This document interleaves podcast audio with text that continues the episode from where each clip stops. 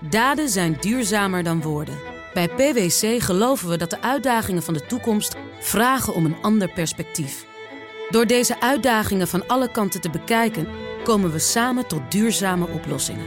Zo zetten we duurzaamheidsambities om in acties die ertoe doen. Ga naar pwc.nl.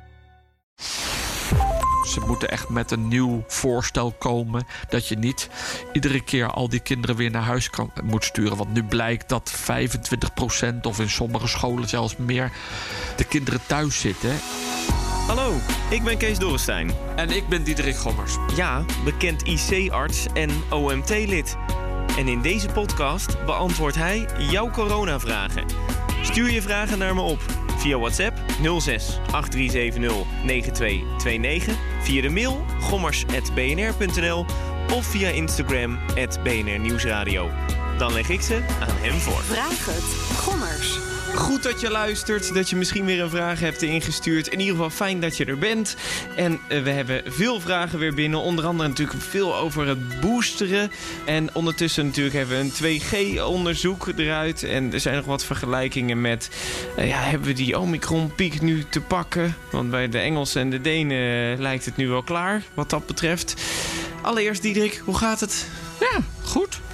Ehm, nou ja, het is gewoon, het voelt echt heerlijk dat nog steeds aantal patiënten met COVID op de Nederlandse intensive cares daalt. We zitten nu onder de 300. Dat is goed, hè? Ja, Ja. we, zitten, we zitten onder de 300. Ja, ik ga ineens twijfelen. Dus zo Ja. laag. Heb je er zoveel binnen gekregen vandaag? Nee, helemaal niet. Nee, nee, ik zat deze week op de eh, cardiologische intensive care. Dus ik heb alleen maar problemen, of mensen met problemen met hun hart of na een hartoperatie. eh. sommige mensen krijgen toch ineens problemen met een acuut hartinfarct, omdat ze toch wel. Ehm, trombose krijgen. En dat is dan al of niet ge- gelieerd aan COVID. Dat die mensen toch COVID hebben. Of na een booster. Dat is best wel indrukwekkend. Maar dat is natuurlijk nooit helemaal hard te maken. Maar het, het is wel opvallend. Dat mensen... dat er steeds meer mensen met hartproblemen dan Nou ja, toevallig hadden we dat deze week dan in, eh, in onze setting. Ehm, dat je eigenlijk ziet dat mensen nou ja, best wel schone coronaire hebben, zoals we zeggen. Mhm. Maar dan ineens toch een afsluiting hebben door eh, daar een trombose in zo'n vat. Ja, dan stopt een gedeelte van je hart mee. En dan moet de interventiecardioloog kan gelukkig trombosuctie doen. Dus dan zuigt hij of dan haalt hij die trombus weg. Ja, en dan is dat vat weer open. En dan ja, hoop je dat het hart het weer oppakt. Maar Nou, dat kan dus door het vaccin of door corona zelf komen dan? Ja, ja, we weten van eh, COVID dat je tromboseachtige klachten kunt krijgen. We weten ook dat je dat gezien hebt na vaccin. Nou ja, het, viel van de week op. Maar, maar, het is, maar ik bedoel, maar ge- geen paniek, hè? Want dat, ik vertel alleen maar wat ik meegemaakt heb deze week. Precies, dus het is niet zo eh, dat dat nee, in maar één niet keer... de NDIS 1 is, het komt bij iedereen voor. Precies, nee, exact. Dat is, het is, je, je ziet toevallig gewoon wat meer Ja, eh, nee, maar dat, dat was ja, toevallig. En, en dat je dat dan ziet, nou, dat maakt dan indruk toch wel. Ja, dat je nee, denkt dat van, snap ik oké, ehm, Dus zullen we de vragen doen? ja, Ja, dat is leuk, hè? Ehm, Kees en Monique, die dat is een andere Kees, is niet een vraag van mij hoor. Maar de, die zeggen: Ha, Kees en Diederik, ik hoorde dat de booster na 8 à 10 weken weer minder effectief is. Is het dan ook zo dat we bijvoorbeeld na 12 weken opnieuw geboosterd moeten worden? Nou, dat is een hele lastige, want het is een gegeven. Ehm, je ziet nu dat die vaccins werkten nog heel goed ehm, tegen de Delta. Ehm, de vaccins werken nog ook heel goed bij de Omicron tegen zieke, ernstigste ziekte, dus tegen ziekenhuisopnames en de IC-opnames. Maar we hebben het nu, helpen die vaccins en de boosters ook dat je niet geïnfecteerd wordt en dus niet besmettelijk raakt Ja, en dus deels, verkoudheidsklachten krijgt. Is dat belangrijk? Ja, voor sommigen wel, voor sommigen. Het is nu een beetje, wat is het, eh, 40, 50 procent eh, eh, kans dat je alsnog geïnfecteerd raakt. Ja, en dat is nu als je volledig gevaccineerd bent, maar nog geen booster hebt gehad. Nou, en als je dan die booster neemt, dan zie je dat die bescherming tegen ziek worden, hè, dus verkoudheidsklachten krijgen, dat stijgt weer van naar de 75 procent.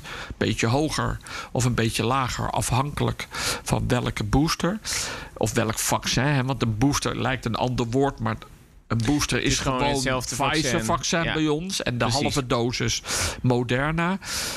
En wat je dan ziet is dat op het moment dat dat dan gegeven is, dan zie je het weer dalen. Dus van de 75 procent in de eerste maand bescherming zie je dat het na 10 weken is dat gezakt naar 55 procent, blijkt uit Engelandse data. Ja, dus het neemt ook echt wel weer af. Ja, en als die Omicron dus dan nog hier heerst en wij hebben er echt last van en het is een hoog risicogroep, ja, dan zou je eventueel nog moeten denken om op nieuw te boosteren. Als we er heel veel last van hebben. Ja, beschermt wel weer dus beter tegen ziekenhuisopname, toch? Ja, maar daar ben je nog wel tegen van beschermd door je uh, basisvaccinatie. En, en de, de vraag wordt. Uh, kijk, als die Omicron. We verwachten de piek ergens in februari. En, en als die daarna heel snel daalt, zoals we ook zien uh, in Engeland ja, dan hoop je eigenlijk dat je ergens in maart dat je die Omicron kwijt bent. Want dan zitten we wel ongeveer op die tien weken van de mensen die in de hoogrisicogroep zaten met die booster. Wat je, waar ze ook mee bezig zijn, is dat ze eigenlijk het vaccin aan het aanpassen zijn voor de Omicron variant. Ja. Alleen die komt weer ja, op zijn vroegste eind april. Maar eind dat april, is... ja. Dus het, ja, ik, ik kan het gewoon niet voorspellen en, wat, en wat wijsheid is. Het hangt heel erg van de situatie af. Ik hoorde van Pfizer dat het überhaupt nog de vraag is of hier komt. Want uh, daar hebben ze nog geen knoop over door. Nee, dat kan uh, ook nog, hè. Want nog, ja. Ja, dat, dat, dat is dan natuurlijk de, de gelijkvolgende vraag. We zijn blij nu met die Omicron dat die duidelijk minder ziekmakend ja. is. Um, betekent dit ook het einde? Ja, daar hoor je dan de virologen die er echt verstand van hebben, ja, zeggen: ja, daar kan je niks van zeggen. Nee. er, er kan goed weer een volgende variant komen. En die variant kan. Ja, beter zijn, dus nog minder ziekmakend. Uh, of maar ook wel weer ziekmakender. De, en nou ja, daar moeten we het even niet over hebben.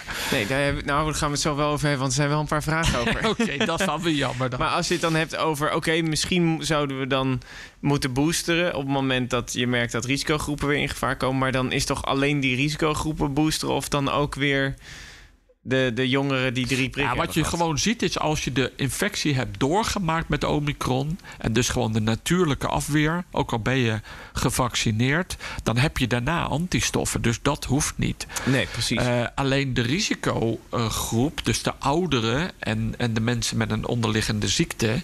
die zijn maar. dan, als je langer de boost hebt gehad. ben je minder beschermd.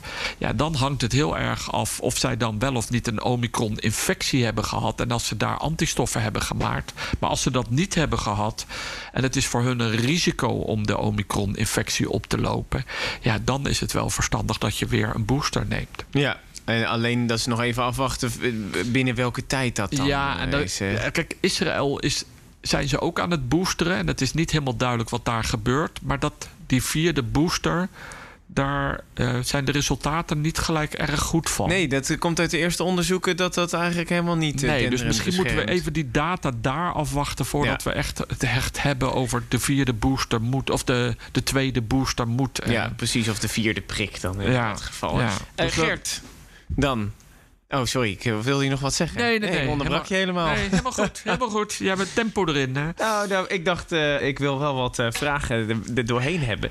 Uh, Gert, die zegt... Um, ik ben buschauffeur. Ik kom met heel veel mensen in contact... en ik heb me niet laten vaccineren vanwege eigen bezwaren. Um, mijn familie is groot en zes mensen in mijn familie hebben al corona gehad... maar ik nog steeds niet. Wat kan die verklaring daarvoor zijn? Ik heb zoveel contact met mensen en mijn familie... en nog steeds krijg, heb ik geen corona gehad. Ja, of hij gedraagt zich heel goed. Dus hij doet goed een, neus, een medisch neusmasker op, mond- en neusmasker op. Hij wast zijn handen en houdt toch goed afstand. Um, Misschien zijn huis fantastisch geventileerd. Dat kan ja, ik bedoel, he, dus de basisregelen doet hij toch goed... Uh, en als hij dus mensen ziet, houdt hij toch een beetje beetje, maar gewoon voldoende afstand. Kan ook gewoon geluk hebben gehad. En de tweede is, hij kan ook wel dat hij toch stiekem een keer uh, COVID heeft gehad, maar dan zonder symptomen. Maar heeft hij wel antistoffen opgebouwd. Want hij heeft gewoon een sterk lichaam. Um, dus, maar ja, als je nou helemaal geen COVID hebt gehad en niet gevaccineerd bent en je hebt geen antistoffen Ja, dat, dat zou toch raar zijn dat je het dan niet krijgt. Dat, dat geloof ik eigenlijk niet. Maar ja, we kunnen niet precies zien. We hebben te weinig informatie. Maar laat hij alsjeblieft zo voorzichtig door blijven gaan. Want het, blijkbaar gaat het goed wat hij doet. Of een antistoffentest even eh, doen als dat kan. En dan kijken of hij het al eh, stiekem heeft gehad. Want misschien heeft hij inderdaad zo'n sterk Ja, maar laten we dan niet hopen dat hij zich dan minder goed gaat, gaat gedragen. Want zijn levensstijl, wat hij nu doet, gaat goed. Ja, exact. Dus nou ja, eh, Ik zou zeggen, blijf zo doorgaan en hou jezelf gezond. Nou, precies. Ilse die zegt, is 2G nog wel nodig? Nadat dat onderzoek van de TU Delft nu bewijst dat het eigenlijk niet heel erg helpt. Ja, Kijk, dat is ook de eerste reactie. Hè. We, bedoel, eh, gelukkig merk je ook in de politiek dat 2G nu toch weer een beetje naar de VG, toch, hè, dus toch een beetje weggedrukt. Want het polariseerde heel erg. Nou, dat is wat we niet moeten doen. Um, aan de andere kant merk je nu ook hoe lastig sommige bedrijfstakken het hebben, hè, de sectoren. Dus als het voor die sectoren wel zou helpen dat ze eerder open mogen, omdat er een Maakt mij niet uit of er getest wordt. Maar dan moeten zij vooral met het idee komen. Dan kan je weer zeggen, ja, dan ben je er misschien wel voor. Hè? Want die, je wil ook die bedrijfstakken helpen. Wat uit het onderzoek kwam, is dat het beter werkt op het moment dat het verschil tussen iemand die gevaccineerd is en ongevaccineerd, dat dat groot is. En dat hangt dan af van uh, de variant. En dat zie je uh, vooral ook bij de Delta-variant. Nu met die Omicron-variant, omdat die vaccinatie eigenlijk minder goed werkt. En daardoor is die verschil tussen ongevaccineerde en gevaccineerde kleiner geworden. Nu zeggen ze ja, nu verlaagt het reproductiegetal maar met 15 à 16 procent. Ja, dat kan je zeggen, nou dat is niks. Maar je kan ook zeggen, ja, dat is nog steeds 15 à 16 procent. Dus je moet het in. Je moet eigenlijk zien. Kijk, Um, maar dat wat, was wel... wat gaat het probleem oplossen? Het moet, kijk, als het polarisatie tot gevolg heeft. En dat we alleen maar boos worden op elkaar. dan moeten we het niet doen. Maar als daarmee uh, als de horeca hiermee komt, of weet ik veel welke bedrijfstak. Maar dan zouden ze daardoor kunnen ze open gaan, omdat, die, hè, omdat de reproductiegetal 1,16 is, of 1,15. En je wil het onder de 1 krijgen, zodat het virus zich minder, goed, minder verspreidt. Ja, dan is het misschien toch goed. Um, ook bij de Omicron. Maar nu is het wel zo, uh, want ik, ik, heb dat onderzoek ook gezien. En die 15 en 16 procent, dat was wel in het meest uh, ideale geval. Dus dan zou je dus ook uh, eh, 2G op het werk en op, in de supermarkt moeten inzetten. Dus dat is dan. Ja, en dat gaan we natuurlijk niet maar doen. dat is ook. De, kijk, heel veel mensen zijn tegen. En heel veel mensen worden er boos om. Nou, dan moeten we het niet doen. Maar als je elkaar wil helpen en als we gaan leren leven met het virus en we krijgen, we worden er niet meer boos om, maar het helpt wel om leuke dingen te gaan doen. we missen nu gewoon de horeca. We missen nu gewoon de restaurants. We zitten, het is al grijzig buiten. Wat ga je het weekend nog doen? Er is nou, de lol is er wel een beetje ja, af. Is inderdaad nou, niet als die lol kan terugkomen en we, en we hebben daar allemaal een goed gevoel over, nou kan ik me best voorstellen dat je zegt: jongens, nou, het leven wordt zo saai, maar het, het, het wordt wel prettiger als we misschien meer testen. En hoe die wordt ingevuld, laten we dat dus vooral met elkaar doen. Het of moet het nou geen 1G, 2G, 3G of iets ja, anders of meer zelf thuis testen, wat we nu ook voor de scholen doen. Eh, het moet een soort. Wie weet, gaan we in plaats van tandenborstel. staat er een. naast je tandenborstel staat er straks een dingetje wat je kan testen, zodat je weet of je wel of niet COVID hebt. Laat, Ik bedoel, misschien gaan we nog iets moois uitvinden. Moet je dat oppassen dat je daar niet makkelijker wordt. Uh, tandpasta op doet en ja. verward met je tandenborstel. Nee, maar het zou. Snap je? Eh, wie weet, wie weet moet er iets uitgevonden worden wat ons leven gewoon logischer maakt, maar dat we wel meer dingen kunnen doen. We hebben er nu gewoon last van dat het wel een beetje saai leven is op dit moment. Ja, exact. Dus op het moment dat er een soort van een testsituatie kan komen... Dan, en, en we kunnen daardoor dingen doen, dan zou dat ook al prettig zijn. Ja, en, en als je er dan ook aan wil houden... Hè, als je je iedere dag op een makkelijke manier kan laten testen... en op het moment dat die test dan positief is... dat je dan thuis blijft om thuis te werken... Uh, en dat moet dan ook allemaal kunnen. En, en dat zit in ons systeem. En daarmee hebben we, kunnen we leven met het virus... en kunnen we ook weer leuke dingen doen. Ja, dat, daar zou ik wel voor zijn. Sander die vraagt zich af of we nu we de Omicron-piek naderen... we eigenlijk alles weer open kunnen gooien. Want dat eh, doen de Denen en de Engelsen ook. Ja, dat is dus belangrijk als we zien dat we de piek gehad hebben. Ehm, en als je de piek gehad hebt en je ziet het weer dalen, ben ik het helemaal met hem eens. Dat zag, zie je ook in Denemarken. En nou, in Denemarken begint het net te dalen. Uh, maar in Engeland begint het duidelijk te dalen. En daar hebben ze nu ook verdere versoepelingen uh, aangekondigd. Nou, laten we hopen dat bij ons dat ook snel gebeurt. Ja. Maar ik verwacht toch nog wel dat we er een week, twee weken duurt voordat we ja, misschien ook. Nou, ik weet het eigenlijk de, ook de niet. piek hebben ja. aan, aangetikt. Maar op het moment dat dat dan achter de rug is... dan zou je toch wel, dat toch al goed kunnen versoepelen. Misschien niet de anderhalve meter eraf of zo, maar dat is... Nee, maar dat, hè, wat ze in Engeland nu gedaan hebben... hebben ze echt nu totaal hè, alles losgelaten... nadat ja. ze die piek gehad hebben. Heeft Wij ook... zitten nog in de fase dat we nog stappen willen nemen. En welke stappen we nemen, dat is echt aan het kabinet. Maar nu zijn er natuurlijk heel veel sectoren die zeggen... ja, kijk maar, in Engeland, ook toen het nog aan het stijgen was... was eigenlijk een heleboel open. Dat zou dan toch in Nederland ook moeten kunnen met, met Omicron. En dan krijg je inderdaad jongeren het op de natuurlijke weg. Ja, ja maar dan... bedoel, ik zou graag ja zeggen en zeggen ja, nee, tuurlijk. Maar dat is dan in de Engelse situatie. En dat is net wat, wat anders. Want ze hebben daar meer ziekenhuisbedden. Ze, hebben daar, ze zaten daar in een andere fase toen de Omicron kwam. Uh, wij waren, hè, ze zaten al hoog in de boosters en dat zijn ze nog verder mee doorgegaan. Ze hadden ook dingen minder goed geregeld. Het land is weer anders opgebouwd. We gaan het ook zien wat er in Nederland gebeurt. Maar je hebt als nou ja, overheid, maar ook met elkaar hebben we ook de verantwoordelijkheid dat sommige mensen die lopen gewoon erg risico dat als ze het coronavirus krijgen en dus ook de omicron, omdat ze geen antistoffen hebben, omdat ze ziek zijn, omdat ze oud zijn. Dus je, um, je kunt niet zomaar zeggen: oké, laat alles maar los, want dan beslis je dus eigenlijk ook voor sommige mensen dat ze aan hun lot zijn overgelaten. Dat we die minder goed kunnen beschermen. En dan geven de anti-mensen zeggen... ja, maar Riek, je kan niet voor die paar mensen... Mm -hmm. uh, het hele land op slot doen. Nee, maar dat is wel... Je kunt ook niet zeggen dat laat alles maar los... want dan uh, gaan mensen die zich ja, niet uh, goede antistoffen hebben... of wel of geen vaccin kunnen nemen... of ergens uh, heel oud zijn. En nou ja, die lopen gewoon risico. Dus we moeten het wel met elkaar blijven doen. Maar dus ik hoor eigenlijk vooral voorzichtig zijn. Ja, ik bedoel, ik ben ook optimistisch. Maar, maar er, je moet wel kleinere stappen doen en blijf voorzichtig. Want je hebt wel met iedereen. We hebben met 17 miljoen Nederlanders te maken. Ja, precies, inderdaad. Nou, dat wordt nog een pittige discussie dan uh, in politiek Den Haag wat betreft de maatregelen. Ja, maar dat is ook lastig. Want ja, vanuit, we hebben heel lang vanuit medisch gezegd: dit en dit is belangrijk. Nou, nu is het duidelijk dat het een ander virus is. Maar we hebben ook nu door die um, lockdown hebben we, ja, staat er het water al boven de, boven de lippen al hè, voor sommige mensen die verzuipen nu. Ja. ja dus dat moet ook versoepeld worden. Ja, precies. Maar niet te veel. Dat is het eigenlijk dan een beetje. Nou ja, in stapjes. in stapjes. En het is echt aan de politiek hoe groot die stappen dan moeten zijn. Ja, precies.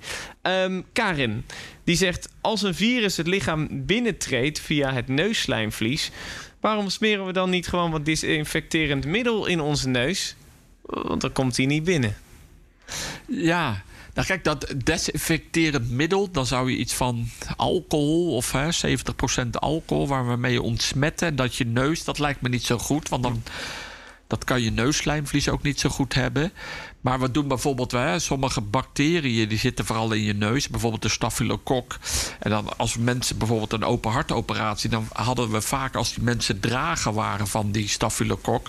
dan zag je besmettingen van die wonden op hun borstbeen. Oeh. En dat smeerden wij altijd in met een neushalf met antibiotica. Dus we kennen dat principe. En wat je nu kunt vinden is dat er een Nederlands bedrijf is bezig om een neusspray te maken, maar dan waar het vaccin in zit. Um, om dan gelijk daarmee te zorgen dat je minder last ervan hebt. Hè? Dus dat, nou, hoe dat dan precies werkt, dat gaan we zien.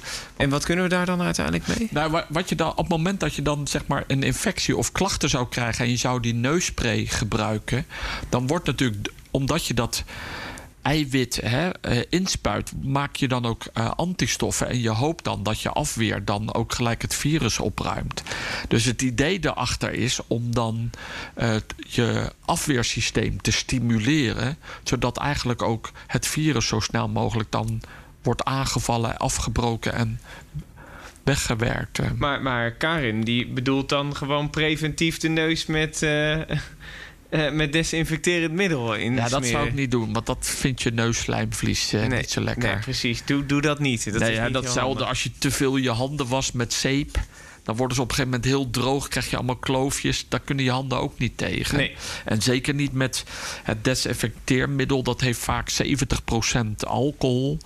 Ja, dat is mooi voor, voor stalen oppervlakte of hè, uh, keukenbladen. Maar... Niet voor je neus. Nee, nee, precies. Niet, niet dat in je neus gaan stoppen, zou ik zeggen, Karin. Augustine die zegt: kan je lichaam alsnog herstellen als je al twee jaar lang coronaklachten hebt? Dus zij heeft nog, zij heeft long COVID. Heeft ze. Ja, dat is afschuwelijk, hè? Dat je al twee jaar lang klachten hebt. En vaak is dat dan uh, vermoeidheid, spierpijnen.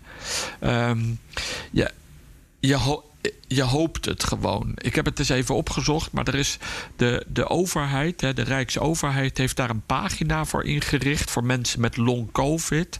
En daar staat een stappenplan. Ga eerst naar je huisarts, dat zal zij al lang geweest zijn. Um, dan is er ook nog een site geopend voor lotgenoten. Mm -hmm. Dus dat je misschien daar je kan aanmelden om met andere mensen daarover te praten. Wie weet hebben zij tips die misschien voor jou helpen of niet. En als je langer dan drie maanden, dan zijn er nog ook weer allerlei sites via die Rijksoverheid worden aangeboden. En ook nog dat je ook wel echt herstelzorg kunt krijgen. En dat dat ook in je basisverzekering zit. Oh, dus, echt waar? Ja, dus hè, dan kan je ook nog fysiotherapie, logopedie en andere dingen die je dan kunt organiseren. Dus ik zou zeggen, uh, bezoek de Rijksoverheidssite en daar staan allerlei tips welke sites je kan bezoeken en hoe je ook eventueel met je verzekeraar uh, contact kan opnemen om te regelen of je hulp kan krijgen die ook dan uh, om vergoed het zo wordt. eigenlijk wat sneller hopelijk te overwinnen. Ja, kijk, het lastige van die long COVID is dat we, dat we, het, dat we niet precies weten wat er speelt. Um, sommigen zeggen dat er misschien nog restvirus in je lichaam zit.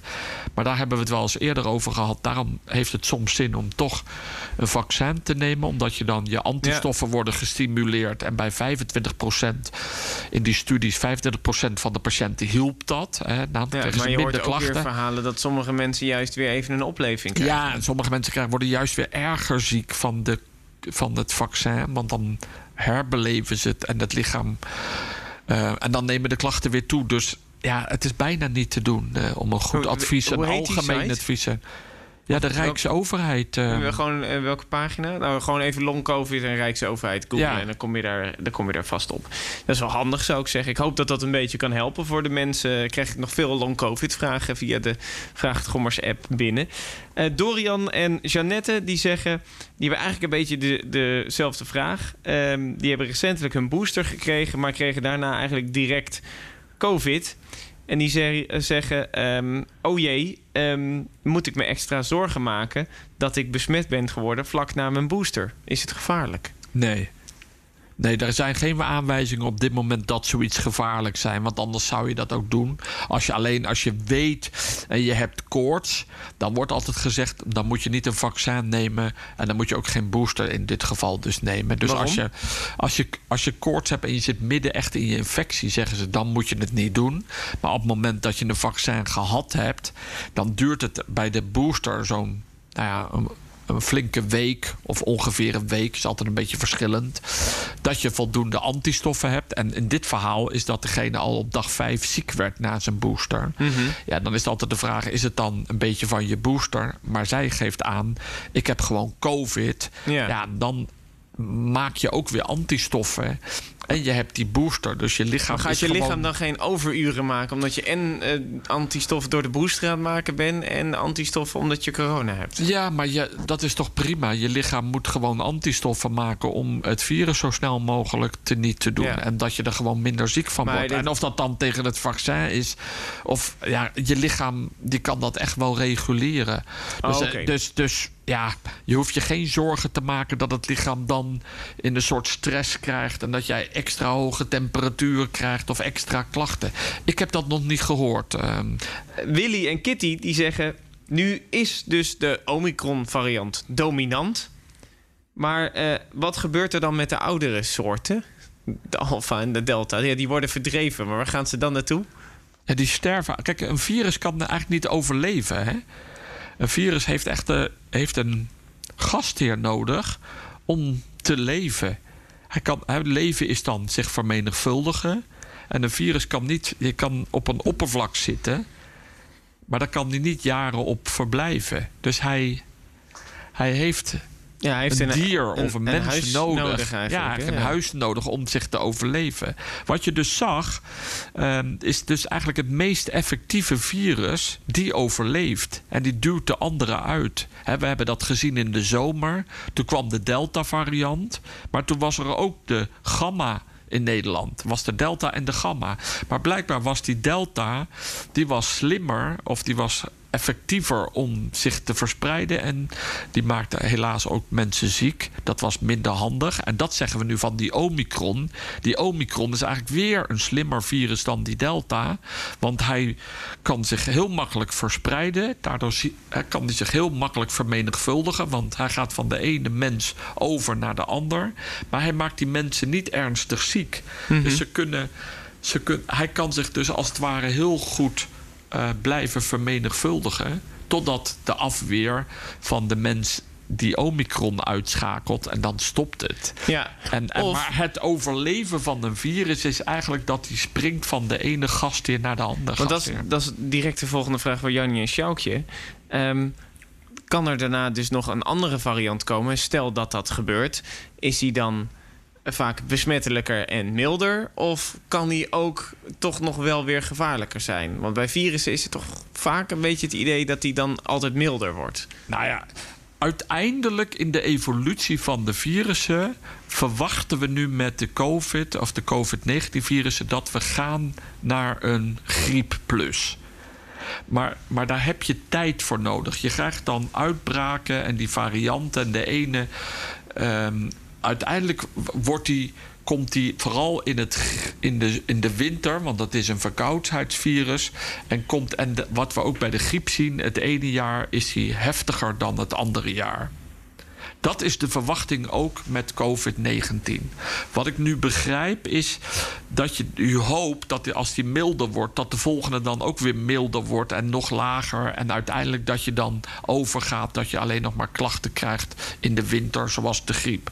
Daar, in die fase zitten we nog niet. Dus het kan zijn, omdat, omdat die vaccinatiegraad over de wereld overal anders is, dat je echt nog wel een heftige variant kan ontstaan ergens in de wereld. En omdat die virussen zich zo makkelijk verspreiden, maar dat komt ook door ons gedrag. Eh, hè, we stappen in een vliegtuig en we willen op vakantie. Ontstaat nog steeds, zitten we nu nog in een fase dat we ook nog een ja, weer een nieuwe variant zouden kunnen krijgen. Die heftiger is. Eh, maar het kan ook een variant zijn die milder, nog milder is dan de Omicron. Ja, maar dan wel misschien besmettelijker. Want uiteindelijk is hij eigenlijk altijd besmettelijker als hij het over. Hij moet uiteindelijk. Kijk, wa- waarom het virus verdwijnt, is omdat je gewoon antistoffen maakt. En als jij antistoffen hebt, ja, en dat. En je, als je nu Omicron hebt gehad afgelopen week.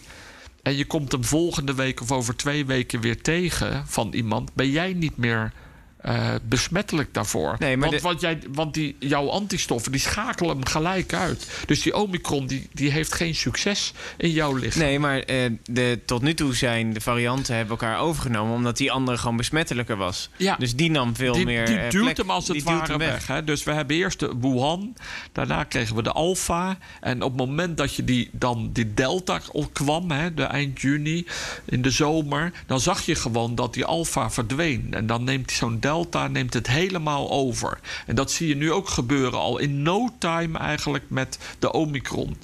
De Omicron die stijgt nu zo hard. In Amsterdam is die al 100% Ja, in Nederland de is van 95, Nederland is die bijna ook overal Ja. 100%. Dus hij duwt gewoon die delta eruit.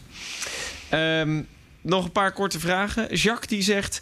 testen we in Nederland wel goed genoeg om betrouwbare cijfers te krijgen? Eh, want we testen niet zoveel als de Denen en de Fransen bijvoorbeeld. Nee. Nou, dan gaat het vooral over de typering. Hè? Dus hij, hij, dat als hij daarop doelt. Want wij testen wel heel veel. Maar we hebben het net ook over gehad. Hè. We, we, doen nu ook heel veel zelftesten thuis. En dan hebben we nu gezegd: als je een zelftest gedaan hebt, dan is het belangrijk dat je het nog laat bevestigen met een PCR-test bij de GGD. Nou, we hebben het er net over dat het aantal besmettingen loopt nu zo hoog op dat we in de problemen komen met de maximale capaciteit.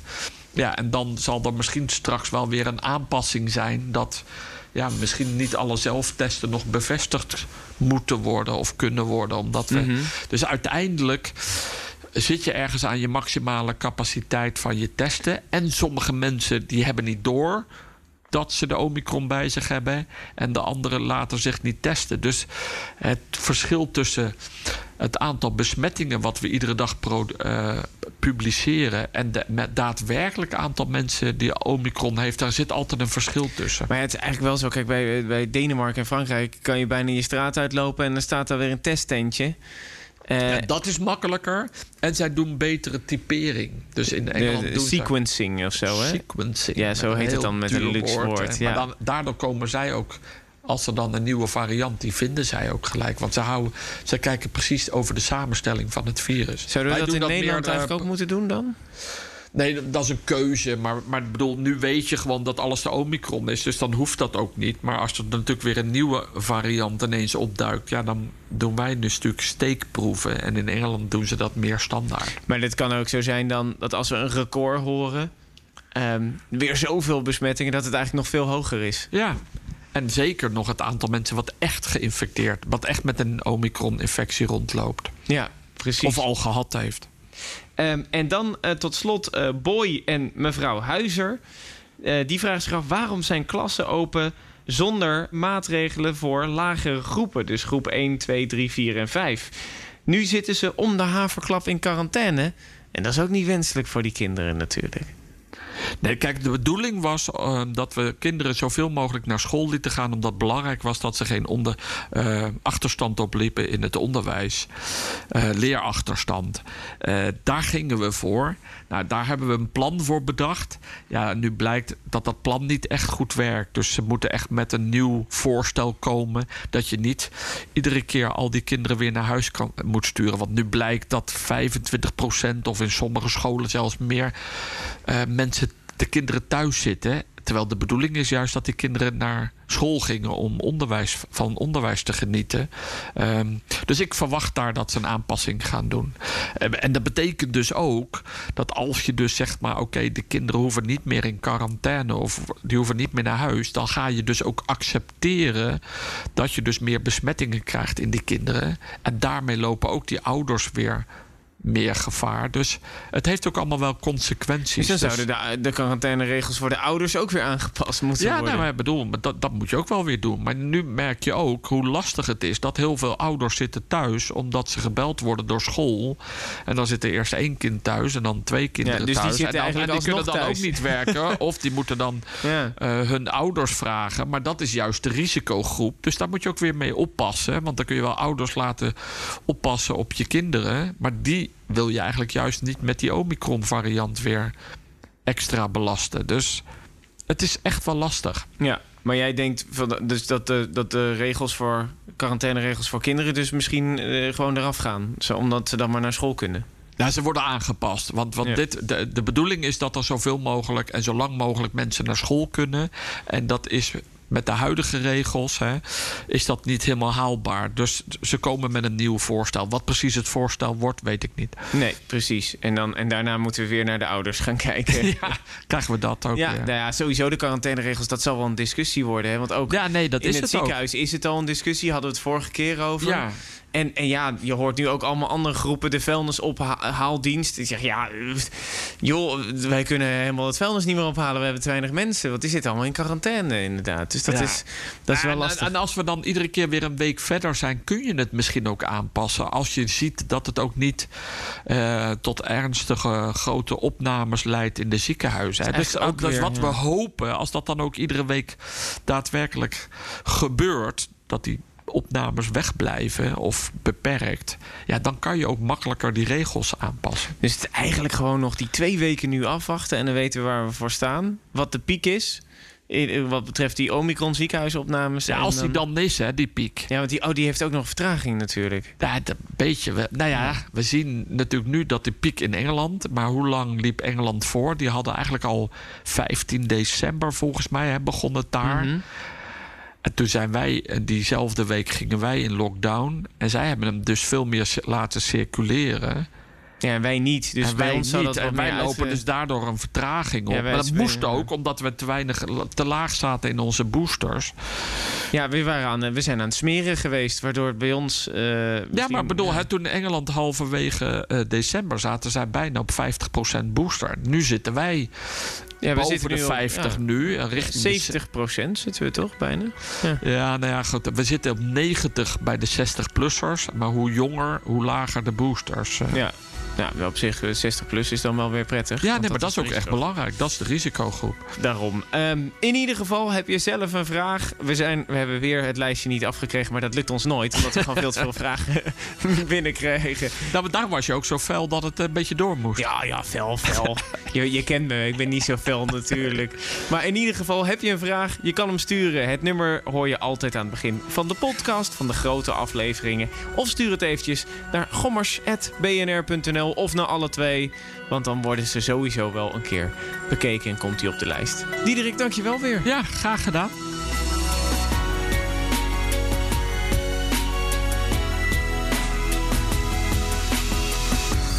Vraag het. Gommers. Gommers. Daden zijn duurzamer dan woorden. Bij PwC geloven we dat de uitdagingen van de toekomst vragen om een ander perspectief. Door deze uitdagingen van alle kanten te bekijken, komen we samen tot duurzame oplossingen. Zo zetten we duurzaamheidsambities om in acties die ertoe doen. Ga naar pwc.nl.